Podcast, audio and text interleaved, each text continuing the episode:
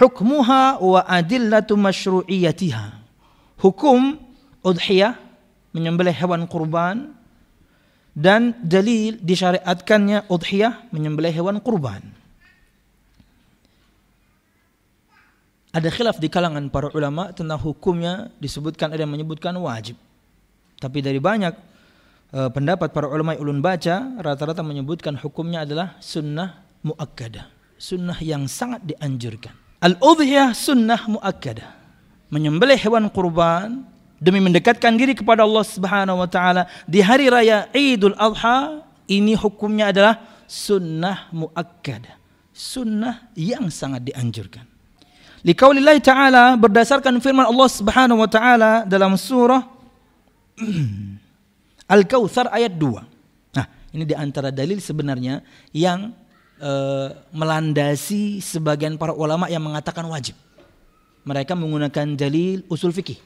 Allah berfirman, "Fashalli li rabbika wanhar."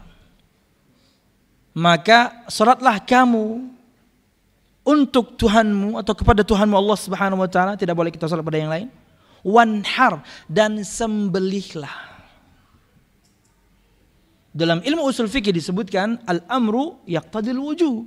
Yang namanya perintah itu mengandung konsekuensi hukum wajib. Makanya mereka mewajibkan. Dan perhatikan jemaah, yang kita akan bahas ini adalah perkara az-zabah bedakan antara an-nahru dan az-zabhu. An-nahru adalah menyembelih hewan kurban tapi di pangkal leher. Dan ini tidak terjadi kecuali kepada onta. Kenapa pun katakan kita akan bahas az-zabhu, itulah yang banyak terjadi di kita. Menyembelih hewan kurban di ujung leher. Jadi kalau onta itu di bagian awalnya sini disembelihnya. Fasalli li rabbika wanhar, maka salatlah kamu kepada Tuhanmu dan sembelihlah. Inilah yang melandasi sebagian para ulama berpendapat yang namanya kurban itu wajib karena Allah perintahkan. Tapi tidak seperti itu ya. Tidak seperti itu kemudian pemahamannya karena yakni dalil-dalil yang lain tidak menyebutkan akan kewajiban hal tersebut.